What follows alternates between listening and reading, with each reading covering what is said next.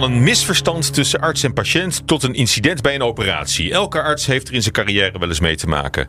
Hoe bespreek je dit met een patiënt en waarom is het belangrijk om dit open te bespreken met collega's op de afdeling? Mijn naam is Paula Seur en over die vragen hebben we het in deze aflevering van de Artsenpodcast van de KNMG.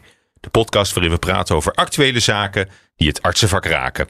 Dit keer doe ik dat met Mieke Kerkhoff. Zij is gynaecoloog in het Jeroen Bos ziekenhuis en columnist en schrijver. Welkom. Dank je. Goed dat je er bent. En Hans Brulman, hij is emeritus hoogleraar obstetrie en gynaecologie, loopbaancoach en schrijver van het handboek Openheid na incidenten in de zorg.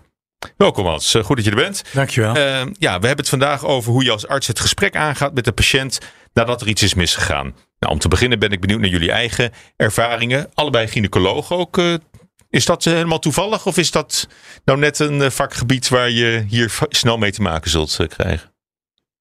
Eh, ik geloof dat de gynaecologie van loskunde en dan het bijzonder de verloskunde wel een stevige rol heeft in klachten en ook tuchtzaken.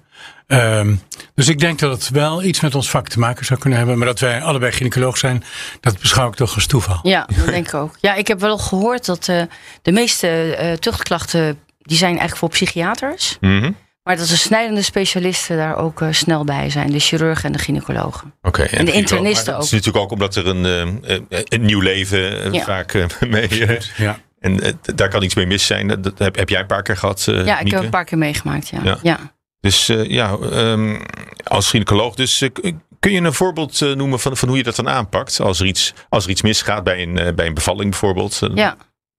Ja, nou ja, weet je, ik moet wel even zeggen, dat is een enorm cliché in de gynaecologenwereld. Eh, niet goed gegaan wil niet altijd zeggen niet goed gedaan. Hè? Dus als er iets misgaat in ons vak, is het nog maar de vraag of wij als gynaecoloog dat eh, verkeerd hebben aangepakt. Maar als er dus echt iets misgaat, hè, dat, dat heb ik wel een keer gehad. Ja, dan, eh, ik heb eens een keer een mevrouw gehad, die had ik te weinig bloedverdunners gegeven. En die kreeg in het kraambed een longembolie. Mhm, Toen dacht ik van, hé, hey, nou zit je fout hè, met je dosering. Dit had je moeten verdubbelen. mhm. En toen ben ik echt naar die mevrouw toegegaan. En toen ben ik naast haar bed gaan zitten. En toen heb ik gezegd, mevrouw, wij moeten even praten. Want eh, ik heb iets niet goed gedaan bij u. En zij was heel compassioneel. Ze vond het heel erg voor mij ook. En Mhm. inmiddels was ze alweer aan het opknappen van die longembolie. Ik denk dat dat wel meescheelt. Eh, mee, mee, dat, dat scheelt wel natuurlijk. Als je er geen restschade aan overhoudt. En je knapt snel op. Dan eh, zijn de gevolgen natuurlijk ook minder. Hè? Ja. Maar, Maar het, het is ook, wat, wat, wat je zegt, zat eigenlijk ook wel met mij te doen.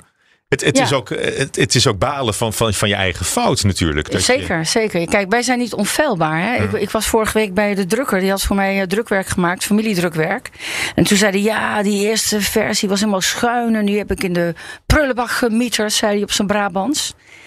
En toen zei ik van, je hebt toch ook echt wel een heel makkelijk vak, hè? Als het niet goed gaat, gooi jij het gewoon in de vuilnisbak. Maar als het bij ons niet goed gaat, dan zijn de gevolgen echt levenslang. Ja, ja dat, eh, dat, dat maakt het, eh, dat maakt het natuurlijk ernstig en, en extra gevoelig. Hans, heb jij een, eh, ook een, een voorbeeld van, van toen je nog als, als gynaecoloog werkte? Ja, ik denk, ik heb eh, ruim 45 jaar, eh, inclusief de opleiding als gynaecoloog gewerkt. En dan kom je eigenlijk niet eh, eh, onder zo'n situatie uit waarin schade optreedt, al dan niet door jouw fout.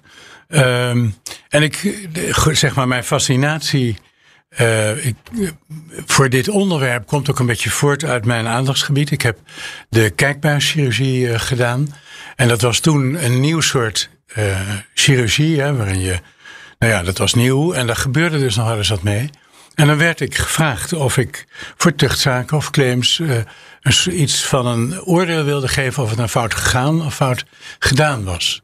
En eh, eh, dan sprak ik ook wel met die patiënten in dat verband. En dan zei ik, nou, heeft u de betrokken gynaecoloog nog eens gesproken? En dan zei ze, nou, heb ik eigenlijk niet zo goed contact mee. Dat was wel echt kort. En, en toen dacht ik, goh, ik moet daar toch eens wat mee doen als ik nou met pensioen ga. En zo ben ik in, die, in dat communiceren na incidenten gerold. En het is een fascinerend onderwerp. Mhm. En En, dat en hoe, hoe ging het jezelf af, dat communiceren na, na een... eh, eh, Ja, na, nou, na ik- een fout of, of na een incident in elk geval. ja. Niet- per se een fout, maar er kan, er kan iets misgaan. eh.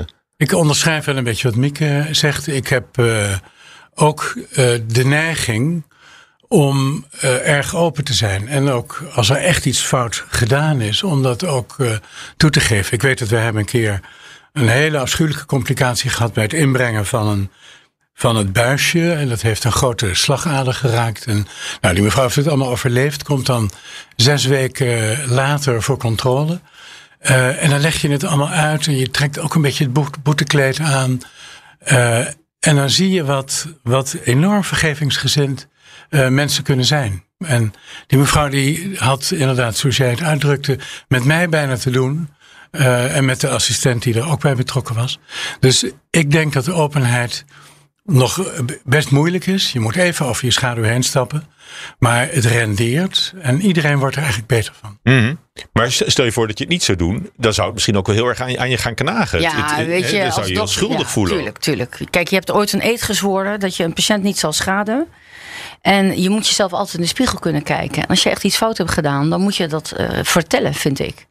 En het is eigenlijk, ja, ik leer het mijn co-assistenten ook. Ik ben co-assistentenopleider in de Sertogenbos met twee andere collega's. En ja, als je, ik leer het mijn co-assistenten ook. Het Mhm. is, uh, als je een fout maakt, dan kun je hem beter toegeven. En daar is inmiddels ook echt wetenschappelijk onderzoek uh, gedaan in, in, in deze tak van sport. En dat, er wordt, dat, dat bewijst echt dat je bij de tuchtrechter uh, ook ja, beter wordt beoordeeld als je je, je, je fout hebt toegegeven. Mhm. Dat Ja. zou de maatregel kunnen verminderen. Ja, en ben je daarin door, door schade en schande wijs geworden? Of is het iets wat, wat jullie. Ik, ik heb de neiging om dat, dat aan te nemen. Dat, wat, wat jullie van nature gegeven is. Om, om, om daar ook heel, heel empathisch mee, eh, mee om te gaan. Nou, ik denk dat dat heel erg van je karakterstructuur afhangt, Hans. Denk je niet? Ja, zeker. Er zijn Ik, natuurlijk maar- arrogante collega's die daar veel meer moeite mee hebben dan. eh, Ik heb wel in het kader van het boek natuurlijk eh, onnoemelijk veel stukjes over gelezen. Zegt dat van nature de helft van de zorgverleners eh, open is, eh, toetsbaar zich opstelt. Terwijl er toch dus ook wel een andere helft, en het zijn natuurlijk eh, schattingen, andere helft is waarbij dat gewoon minder is. Die mensen, als je wordt aangevallen door iemand, en dat gebeurt, hè, als er schade is opgetreden, en iemand zegt toch met enige emotie, ja maar dokter, u heeft een fout gemaakt. Dan, is het, dan vereist het echt professionaliteit en distantie om dan niet in de verdediging te schieten en dan te gaan roepen van ja, maar het is niet zo en ik heb het toch goed gedaan en ik doe ook altijd mijn best. Dus je, je moet, sommige mensen hebben een steuntje in de rug nodig, een beetje oefening. Ook wel het belang voor henzelf eh, om open te zijn. Eh, maar er zijn, ik denk dat de helft van de mensen het van nature goed doet. Ja. Ja, Hans, ik vond het net zo leuk. We waren aan het koffie drinken voordat we begonnen. En toen had jij het over zelfbenoemde onfeilbaarheid. Dat sommige dokters dat hebben. Dat vond ik echt een prachtige formulering voor bepaalde collega's die, uh, die daar ja. wat moed mee maar ik denk zullen eh, in de, in, misschien wel in de, in de chirurgie of, of in, de, in de wat technische, wat moeilijkere eh, vakken. Dat mensen daar ook heel, heel technisch in staan. Dat ze dat, ze dat heel. eh, eh, Ja, ik denk wel dat, ja, maar ook. ik denk wel dat een bepaald slag mensen wordt arts. Hè? Je wilt toch voor andere mensen zorgen, denk ik. Ik denk wel dat er uh, in de basishouding van een arts wel de zorgzaamheid zit. Mm. Maar ja, er zijn natuurlijk ook in onze tak van het beroep. Er zit je, heb je alle karakters, Mm. zoals je ze overal hebt in de maatschappij. En er zitten ook zeker narcisten bij, denk ik, die het liever niet toegeven. Ja, ja. dat heb je nou eenmaal. Maar, ja, ik weet niet of het nou helemaal. Het is wel zo natuurlijk dat de chirurg is het archetype van de, de, de dokter die een spierwit door het ziekenhuis loopt en gezaghebbend. Uh, en je hebt natuurlijk ook wat zachtere specialismen. Uh, maar heel erg belangrijk is, denk ik, dat uh, natuurlijk moeten we streven naar perfectie. Het is een belangrijk vak, zijn mensenlevens mee gemoeid. Maar streven naar perfectie is iets anders dan perfectionistisch zijn. En mm-hmm. die ontaarding treedt op. En dan betekent het opeens dat mensen niet meer voor een fouten uit durven te komen. Dan kun je ze niet meer bespreken. Niemand leert ervan. Uh, en dat is dus geen goede situatie. En die cultuur zou je, als je dat, en dat is toch ook wel ingewikkeld, in ziekenhuizen of op afdelingen of in teams ziet, zou je willen dat je dat zou kunnen bestrijden. Ja, ja en ook wel de bewustwording, dat, uh, dat moet je de jonge dokters al leren, dat, uh, dat wij ook feilbaar zijn. Hè? De dokter is niet onfeilbaar. Ja. En dat is nu misschien nu een open deur, maar dat is een ontzettend belangrijke constatering. Mm-hmm. Ja, wij... maar goed, maar, maar, perfectie, zeg je terecht, Hans, is. is uh, is eigenlijk uh, niet, niet dat, dat, dat is utopisch ook, hè, om, om in alles uh, perfect te, te kunnen zijn. Want je hebt ook gewoon met, met mensen van vlees en bloed te, te maken. Zeker. Het is, niet, het is ja. geen automobiel die je, nee. die je in elkaar sleutelt. Dus uh, Dus er zal in heel veel gevallen altijd wel, zal, zal het resultaat niet 100% zijn. Nee, maar waar, waar ligt nou de grens dat je het eigenlijk hebt over een incident waar, waarop je eh, zou terug moeten komen met, met de patiënt? Nou, dat is een interessante vraag, eh, Paul. ik ben blij dat u deze vraag stelt. nee, want wij hebben nu bij ons in de vakgroep de discussie hè, dat als, je dus iets, eh, als er iets ernstigs is gebeurd op de werkvloer, bijvoorbeeld een vrouw bevalt en heeft 3,5 liter bloedverlies en de toevoerende bloedvaten naar de baarmoeder moeten dichtgemaakt worden door een eh, interventieradioloog, hè, dan is er in feite niks, niks fout gegaan in medisch opzicht. Alleen ja, er is een hele ernstige gebeurtenis opgetreden.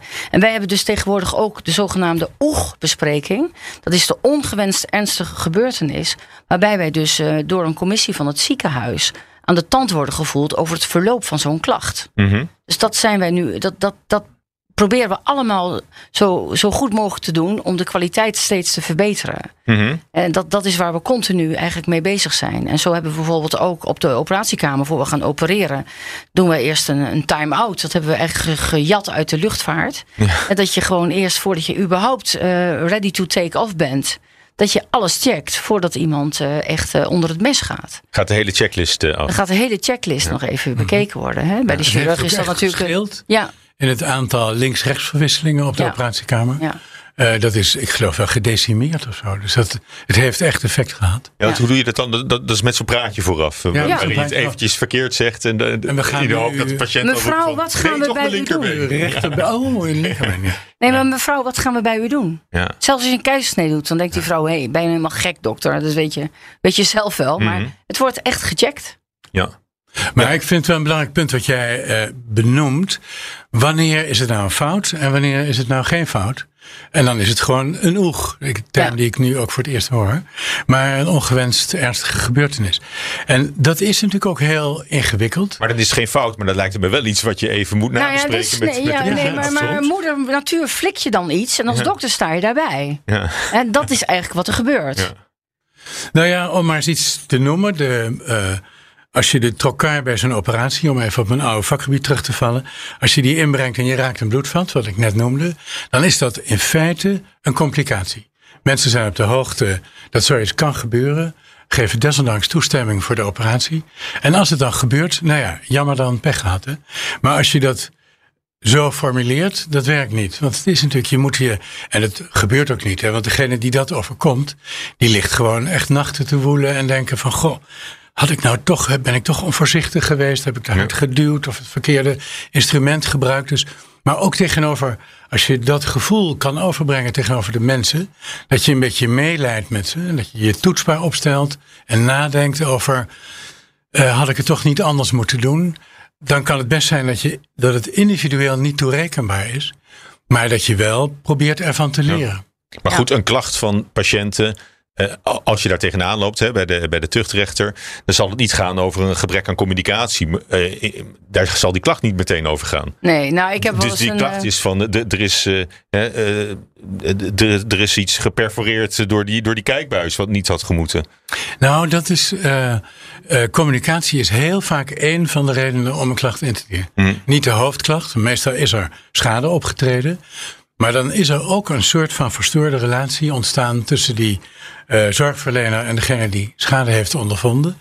En die zegt dan ja, ik, ik vind het onaardig, of hij was niet vriendelijk, of hij heeft het meer uitgelegd. Maar dus communicatie heeft een hele instrumentele rol in of mensen eh, ja of nee eh, een klacht indienen. Ja, maar het is wel interessant wat er ook gebeurt. Hè? Want ik heb wel eens een dichtregel van Judith Hertzberg eh, aangehaald. Van hoe is het zo gekomen van altijd blijven slapen tot nooit meer willen zien.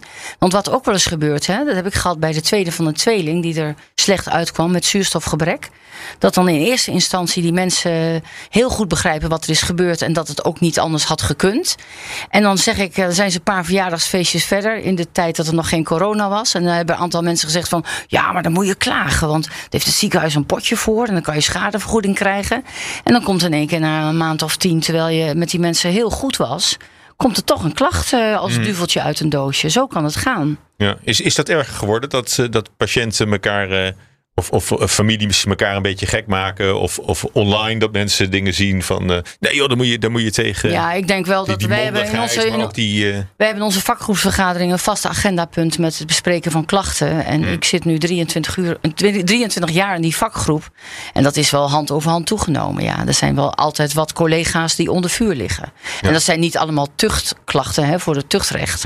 Maar wel klachten waar wat mee moet gebeuren. Ja. want je, hebt, je hebt vier tuchtklachten aan, heb er vier gehad, aan ja. je Boek gehad Ja. in, de- in je Ja, lange altijd zonder, wel altijd zonder maatregel. Maar een gemiddelde klacht die, die heeft echt een, een duur van 280 dagen. Dus ik heb wel een substantieel bijna. eh, deel van mijn leven heb ik liggen woelen in mijn ledikant, eh, Hans. Ja, Maar eh, ja, je leert er ook heel veel van. En ik kan dat weer overbrengen op eh, mijn jongere collega's. Ja. Maar dat, is, dat, dat, is, dat gaat je niet in de koude kleren zitten hoor. Waarschijnlijk ook omdat je denkt, mi- misschien hadden we een, een, eh, een procedure wel kunnen voorkomen. Nou, dat denk ik in mijn geval niet. Want ik vind mezelf eh, communicatief vrij sterk naar de patiënt toe. Ik denk echt dat deze mensen. Ja, je hebt ook echt mensen erbij die willen je- gewoon dat de dokter bloedt. Hè? Dat- Die zijn er gewoon. Maar het zijn maar vier zaken of het zijn vier zaken? Nee, Hoe, eh, het zijn, het, in mijn geval is het best wel veel. Want eh, als je, ik heb nog net een stukje zitten lezen van mijn, eh, de advocaat Oswald Nunez.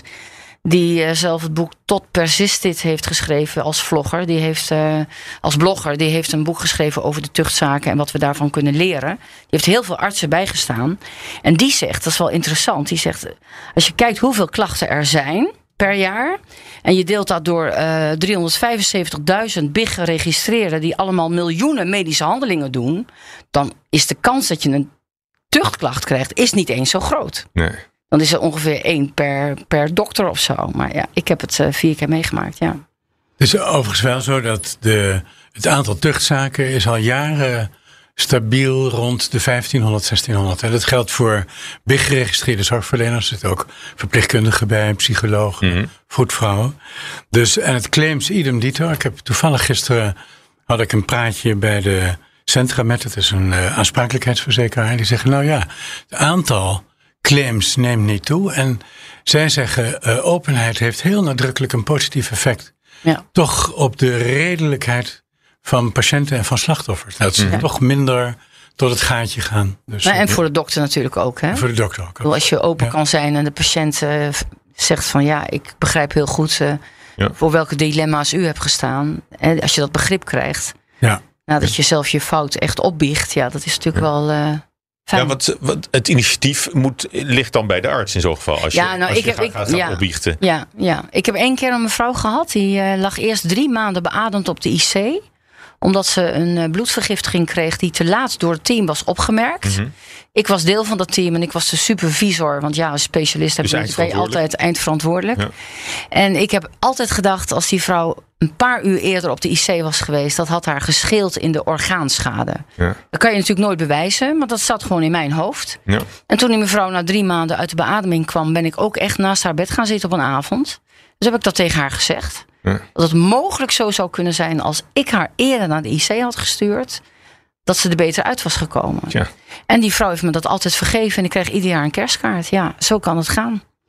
Terwijl je hier wel een berisping had kunnen krijgen hoor, van de tuchtrechter. Als zij daar een, eh, een zaak van had gemaakt. Ja. Ja. En wat had, zij, wat had zij daar nog mee opgeschoten als ze die. eh, Nou ja, met de berisping, tuchtrecht verder niet. Maar het is natuurlijk wel. of eh, als, als grond misschien voor een, voor een claim. ja, maar die heeft zich gehad. Hè? We hebben dus wel een schadevergoeding gegeven. Omdat ze drie maanden niet kon werken.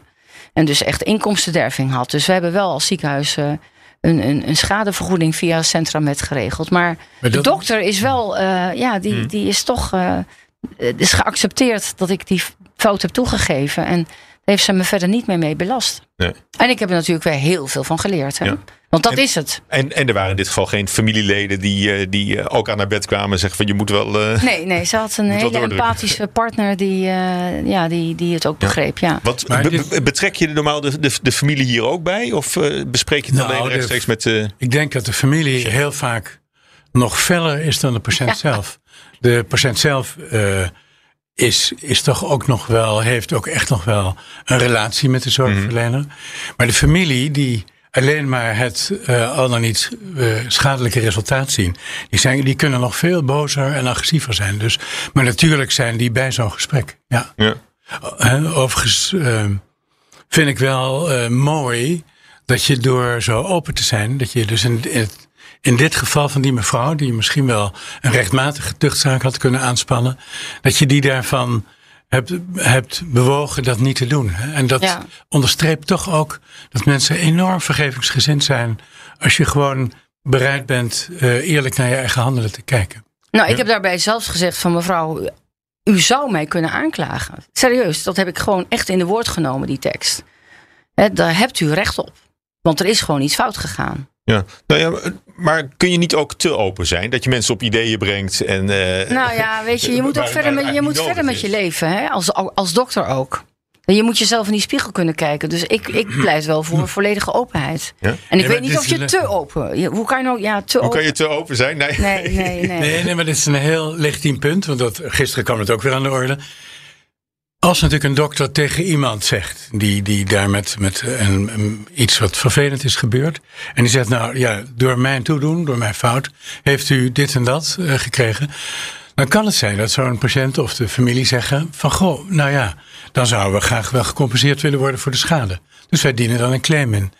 En Wat, wat ook niet onredelijk is. Dan. Precies, dat is redelijk en billig. En dat kan ook zonder enige emotie. En dat moet je, daar moet je ook heel laagdrempelig in Mhm. faciliteren. Ja, maar goed, en eh, hoe ver neem je de patiënt dan mee in je, in je twijfels, in het behandeltraject? eh, bijvoorbeeld, eh, waar je een keuze hebt gemaakt. We zijn daar linksaf gegaan, we hadden ook rechtsaf gekund. Eh, in, in, in feite laat je de, de patiënt dan een beetje op de, op de stoel van de arts zitten. Nou, dat gaat nog een beetje anders in zijn werk. Want dit soort klachten komen natuurlijk ook bij de inspectie. Die worden Ja. gemeld bij de inspectie. En de inspectie maakt een, een heel rapport daarvan. Ja. En dat rapport, dat mogen zij gewoon inzien. Mhm. En dan kunnen ze ook precies zien eh, wanneer het fout is gegaan. Ja. Of hoe het mogelijk anders had gekund. Want dat is het namelijk wel. Hè? In ons vak krijg je nooit een herkansing. Dat is zo lastig. Soms denk ik wel eens ook na een bevalling. Denk, oh, een uurtje terug. Als ik nou een uurtje terug mocht. Hè, dan was het gewoon anders gegaan. Maar je moet gewoon steeds die beslissing nemen. Op een, op een heel cruciaal eh, moment. Mhm. En uitvoeren. En soms zit je ernaast. Ja. Maar goed, dat maakt het belangrijk wellicht om het ook met, eh, met je collega's of in het team eh, te bespreken. Ja, maar dat wordt Achteraf. tegenwoordig ook gedaan. Hè?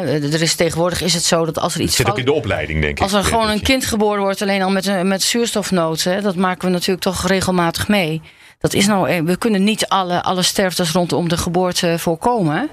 Dan moet je ook met het team gewoon een briefing, een debriefing doen. Hè. Je, moet die, je, bent ook, je moet ook die verpleegkundigen die erbij waren meenemen. En, want die moeten ook weer verder met hun baan. Je moet eh, zorgen dat iedereen, alle hens aan dek blijft. En dat niemand, ook door een burn-out bijvoorbeeld, eh, eh, langdurig wordt uitgeschakeld. En dat kun je voorkomen door vroeg met het team te debriefen en alles weer door te nemen.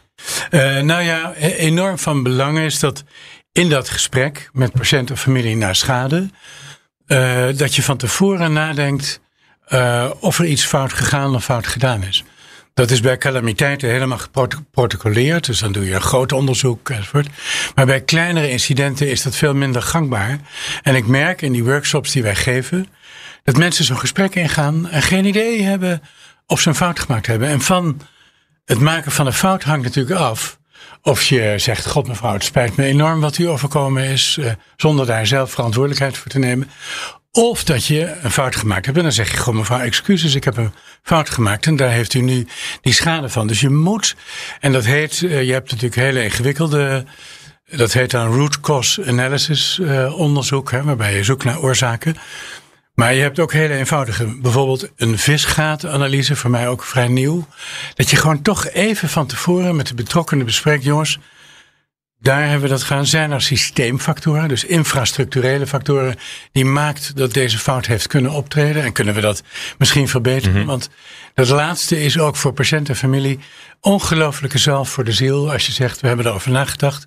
En voortaan stoppen we die twee verschillende ampullen niet meer hetzelfde doosje. Ja, dat, dat dat is voor u als patiënt te laat, maar Ja, we maar hebben er u- wel van geleerd. En we u heeft trekken niet onze lessen uit, geleden. deze, Precies. uit het hele nare incident. Want dat, Maar dat vind Ja. ik ook wel heel sportief van patiënten. Dat ze dat ook heel vaak zeggen. Van ik hoop dat een ander hier iets aan heeft. Ja, ja, precies. Als Absoluut. jij gewoon ze- echt letterlijk zegt van dit en dat heb ik van uw casus geleerd. Mhm. En dat gaan we in de toekomst toepassen.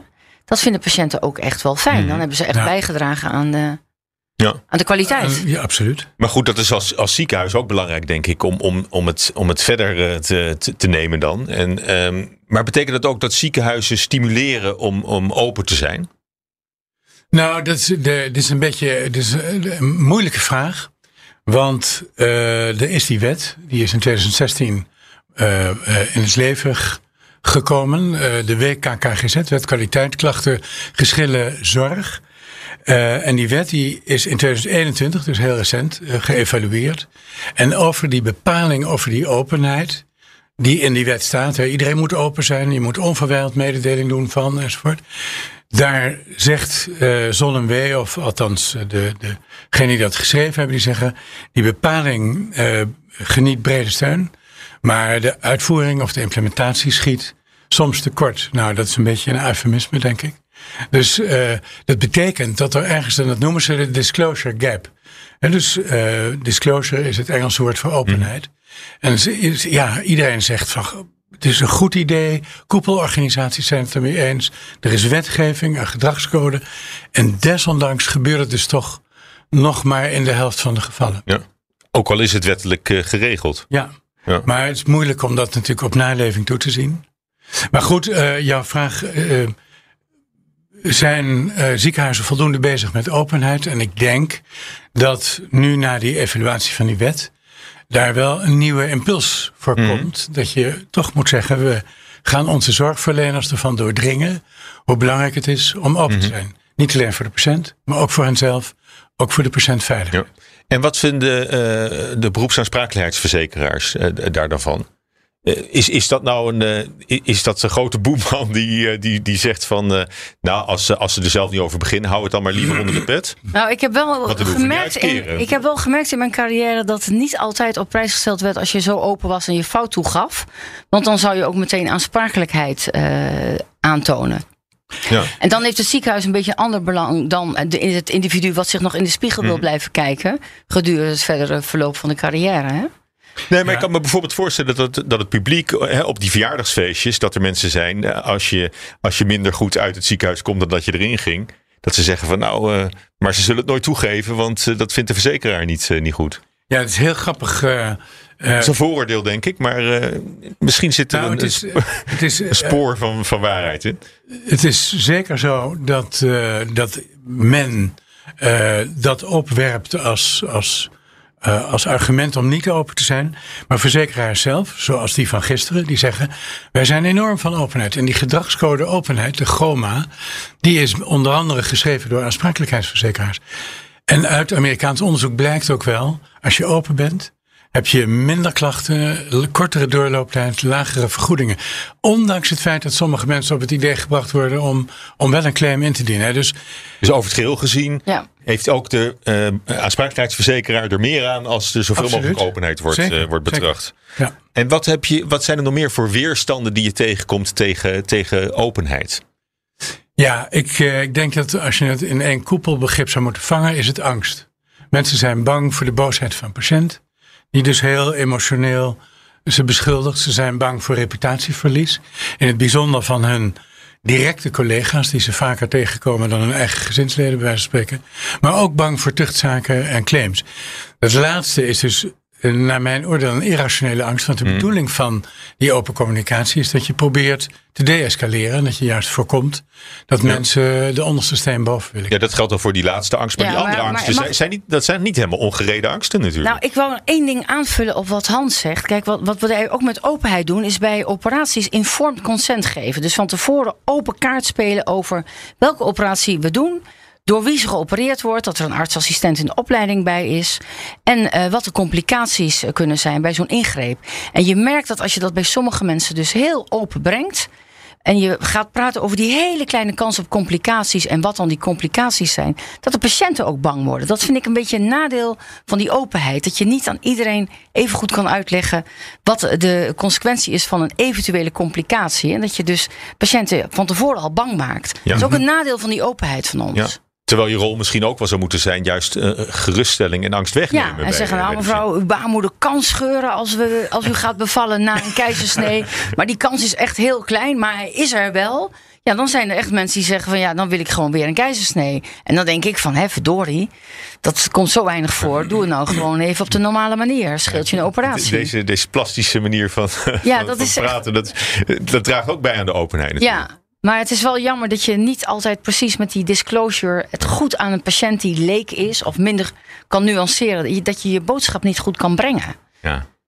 Maar nog, als ik nog één aanvulling mag geven, we zijn bijna door de tijd heen, denk ik. Ja. Maar dat die, uh, je, je wil, uh, dus die openheid is, is uh, enorm belangrijk.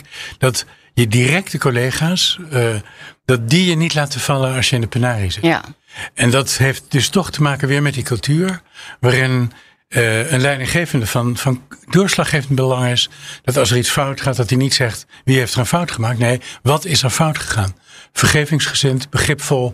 Want dan, dat is voor de patiëntveiligheid en voor de kwaliteit van zorg gewoon het beste.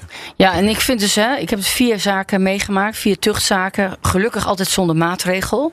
Maar ik zeg wel tegen iedereen hè, die hier naar luistert. Um, je moet toch proberen om het te zien als een gratis advies. Dat kan heel moeilijk zijn. Laat, maar laat het niet te persoonlijk binnenkomen.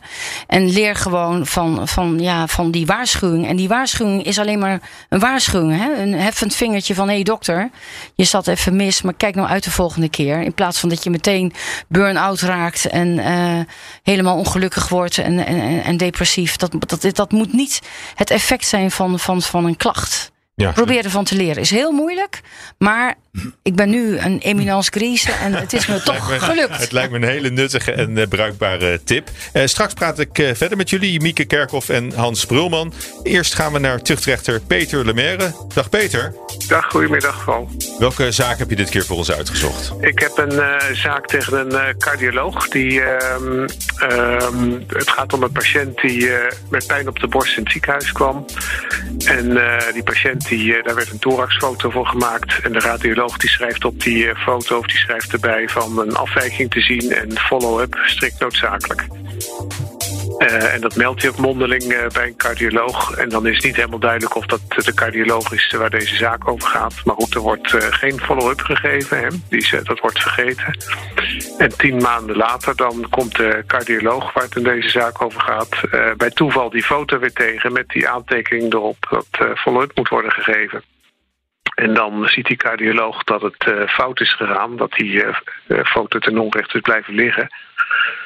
En dan, uh, nou, wat doet hij dan? Dan belt hij die patiënt op en die zegt, nou, hij vertelt niet, joh, het is fout gegaan, we hadden dat tien maanden geleden al moeten doen. Maar hij zegt, kom langs voor een controlefoto van, van de thorax. En in het dossier dan maakt hij alsnog een aantekening van die oude thoraxfoto die dus vergeten was. En dan zegt hij bij ehm, de oude datum van tien maanden terug. En dan lijkt het alsof dat toen genoteerd is. Um, en verder noteert hij dan de, de nieuwe thoraxfoto tien maanden later. En zet hij bij dat dat een controle was. Nou, dan is het foute boel. Hè, want dan op die controlefoto is dan een carcinoom te zien in de, in de long. En een radioloog die maakt dan ook nog een MRI van de hersenen. En dan uh, zien ze ook nog eens een keer uitzaaiing in de hersenen. Maar wat dan ook gebeurt, dan komt er aan het licht dat er tien maanden geleden een uh, fout is gemaakt. En die uh, radioloog die, die, die nu die MRI maakt, dat is toevallig dezelfde die eerder die thoraxfoto had gemaakt. En die bespreekt het incident in de vakgroep. Maar de beklaagde cardioloog die zegt niks, laat niks als zich horen. En die vertelt ook niet van de aanpassing in het patiëntendossier. Dus die houdt zich op de vlakte. En dat is natuurlijk een, eh, een ernstige zaak. Hè. Het kwam natuurlijk toch aan het licht. En het ziekenhuis is uh, onderzoek gaan doen. En dan is het natuurlijk uh, ja, toch pijnlijk dat die cardioloog niet zelf naar voren is gekomen. Ja, dat is dus een zaak voor de inspectie geworden. Dat is een zaak voor de inspectie geworden, dat klopt. Die was klaagster in dit geheel. En ehm, ja, dan, dan komt die zaak aan het rollen. Ja, en hoe loopt het af? Uh, het loopt af met een, uh, een berisping. Uh, en dan overweegt het tuchtcollege erbij van ja, de consequenties voor deze cardioloog die waren groot. Hij heeft ook zijn, eh, zijn baan verloren vanwege dit incident. En moeite om weer een vaste aanstelling daarna ergens te krijgen. Maar ja, de, het belangrijkste feit was toch al dat hij heeft geprobeerd om zijn eigen betrokkenheid bij het incident buiten beeld te laten. En dat nou ja, is dus ernstig vorm geweest, baan kwijt en een, en een berisping. Ja. Dus eigenlijk het omgekeerde van, van open zijn is, is juist zaken proberen te, te verdoezelen. He, ook door, ja, in het, door, in het, dossier te rommelen. Dat klopt, hè? dus dat is echt hoe het, uh, hoe het niet moet. Uh, dus uh, ja, daar, daar zit een goed voorbeeld van. Dankjewel Peter, we gaan het hier verder bespreken. Dat was tuchtrechter Peter Lemaire, dankjewel. En ik praat verder met uh, Mieke Kerkhoff, gynaecoloog in het Jeroen Bos ziekenhuis, columnist en schrijver. En Hans Brulman, hij is emeritus hoogleraar obstetrie en gynaecologie, loopbaancoach en schrijver van het handboek Openheid na incidenten in de zorg. En laten we het daar nou net over hebben vandaag. Openheid over incidenten. Jullie luisterden mee naar Peter Lemaire en, en de zaak. ik zag je ook aantekeningen maken. Wat heb je opgeschreven, Hans? Nou ja, dit is natuurlijk een levensles. Het achteraf corrigeren van uh, dus in feite geschiedvervalsing plegen in het medisch dossier. Daar uh, heeft niemand enig begrip voor. Hij, het is overigens een uiting van gebrek aan openheid. inderdaad, als dat de patiënt ter kennis komt, dan is ieder vertrouwen weg. En die zal de onderste steen boven willen hebben. Dus dan zie je dat het ook de escalatie juist bevordert om niet open te zijn. Dus nee, het is, een, het, het is niet Wellicht vanuit de spur of the moment is dat ingegeven dat die man dat zo gedaan heeft of vrouw. Mhm. Maar het is, niet, uh, het is niet verstandig. Ja, maar bijna, bijna alle klachten werden hierin uh, gegrond uh, verklaard. En bijna volledig. En, en, en dan volgt er een, een berisping. Eigenlijk eh, komt hij daar dan nog redelijk goed mee weg. Lijkt mij wel, lijkt mij wel, ja. ja. Want ik vind het ook wel ernstig dat dit zo uh, gedaan is. Het is wel zo dat je dus hier ook weer in ziet hè, hoe belangrijk het is om die verslaglegging in het medisch dossier goed te doen. Hè? Mhm. Dat moet je echt meteen heel goed opschrijven. En uh, die Oswald Nunez, mijn, uh, die advocaat waar we het net over hadden, hè, die, die dus uh, heel veel dokters heeft bijgestaan, die zegt wel eens bij de tuchtrechter van ja, het medisch dossier zijn geen notulen. Er worden vaak hele hoge eisen gesteld aan de dossiervoering. Maar ik leer dus ook mijn co-assistenten, jongens, wie schrijft, die blijft. Probeer zo goed mogelijk alles op te schrijven. Maar ja, je mag natuurlijk niet aan, aan vervalsing doen. Ik heb ook wel eens een verhaal gehoord over een, een, een, een herschreven OK-verslag. waarbij ze uiteindelijk aan het papier konden zien. Het was nog een normaal uh, papieren status van vroeger. Dat, het, dat een, een, een OK-verslag uh, geschreven is op papier van, van 20 jaar later of zo. Dat dat ook echt helemaal maar, maar, ontzettend dat is gewoon, dat is gewoon bedrog. Dat is inderdaad gewoon bedrog, ja. ja. Maar, ja. maar het is ook een illusie om te denken dat je dat je uh, zeg maar de waarheid kunt verhullen in, het, in de enorme multidisciplinaire samenwerking die we nu hebben. Mark Twain zei al, als je de waarheid spreekt hoef je nooit meer iets te onthouden. Maar als je de waarheid niet spreekt moet je voortdurend onthouden wie welk verhaal je verteld hebt. Gewoon heel ingewikkeld en contraproductief ook. Ja. Dus wat hadden jullie dit? Jullie hadden dit anders aangepakt, maar uh, uh, wat, wat, wat, leren we hier vooral uit? Nou, dat, je, dat eerlijkheid het langste duurt. Ja. En dat wie schrijft, die blijft. Je moet gewoon goede notities maken op het moment dat het zich aandient.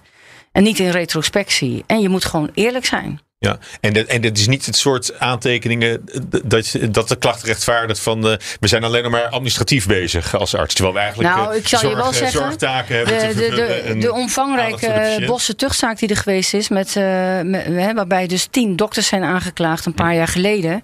Daar heeft de tuchtrechter gezegd dat we ieder uur bij iedereen die in partu is, die aan het bevallen is, het CTG moeten beschrijven.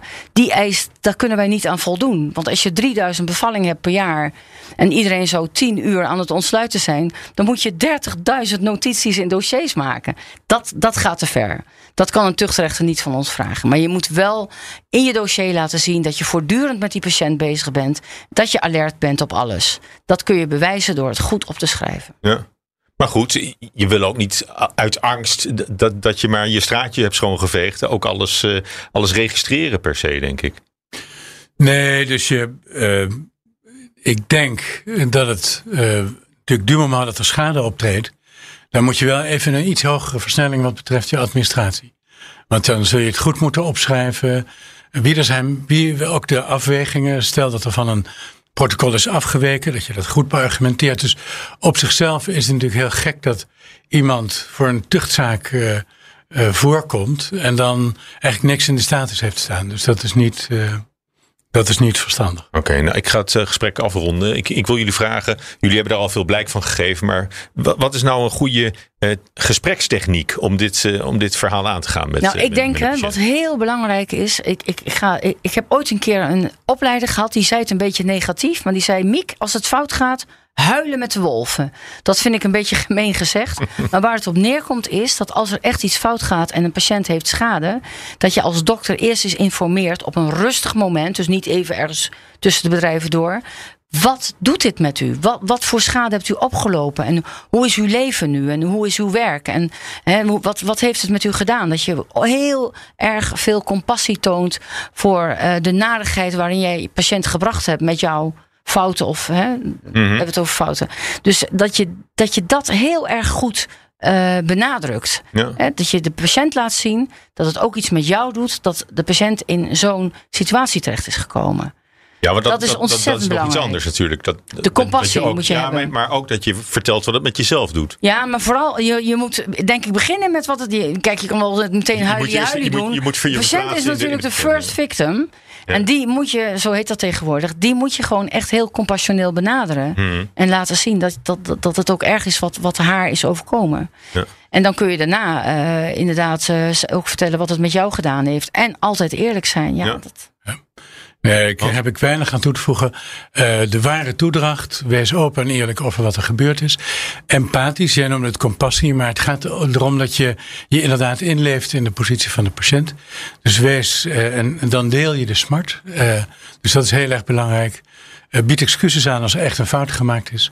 En bespreek verbetermaatregelen om herhaling te voorkomen. Als je, die, als je dat rijtje inprent en je doet ook een beetje empathisch dan kun je daar enorm veel uh, gunstig effect van verkrijgen. Ja. En, en verder, hè, dat patiënten moeten ook weten, ik wil toch nog even ook een pleidooi voor ons, onszelf houden, dat uh, iemand dit werk moet doen.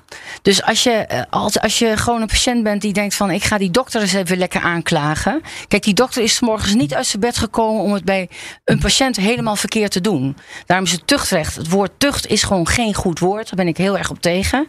Maar je moet uh, een patiënt wel uitleggen dat hij goed moet nadenken voordat hij een dokter aanklaagt. Want die dokter die heeft het daar heel zwaar mee.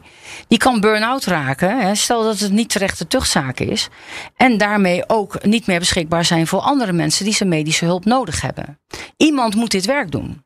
Dat is mijn, mijn uh, adagium. Ja. Eén klein dingetje. Nou, ik wilde je één ding vragen nog, Hans. En daarmee ja. wil ik het uh, ook echt afsluiten. Maar is er iets wat jij zou kunnen uh, adviseren aan, aan, aan de sector als geheel, aan ziekenhuizen, wat de openheid nog verder zou kunnen verbeteren? Is, en of dat nodig is in jouw ogen? Ja. Het kan altijd beter, wellicht. Maar, nou ja, zoals eerder betoogd, denk ik dat het nuttig is om wel te doen. Uh, dat betekent dat je eigenlijk alle zorgverleners in aanraking zou moeten laten komen met het belang van openheid en zo nodig daarin kunnen laten oefenen. En de stichting Openheid na Incidenten geeft ook uh, workshops om dit te bewerkstelligen. Dus dat is zeker, zou een idee zijn om dat ziekenhuisbreed op te zetten. Nou, dat lijkt me ook geweldig om, uh, om mee af te ronden. Heel hartelijk dank uh, voor, voor jullie openheid. Heel en, graag gedaan. Uh, en voor de komst naar de studio. Mieke Kerkhoff, gynaecoloog in het Jeroen Bos ziekenhuis, columnist en schrijver. En Hans Brulman, hij is emeritus hoogleraar obstetrie en gynaecologie. Loopbaancoach en schrijver van het handboek Openheid na incidenten in de zorg. Dank jullie wel. Dit was de artsenpodcast van de KNMG. Mijn naam is Paula Seur. Dank voor het luisteren. En wil je geen aflevering missen? Abonneer je dan op deze podcast. En dan graag tot een volgende aflevering.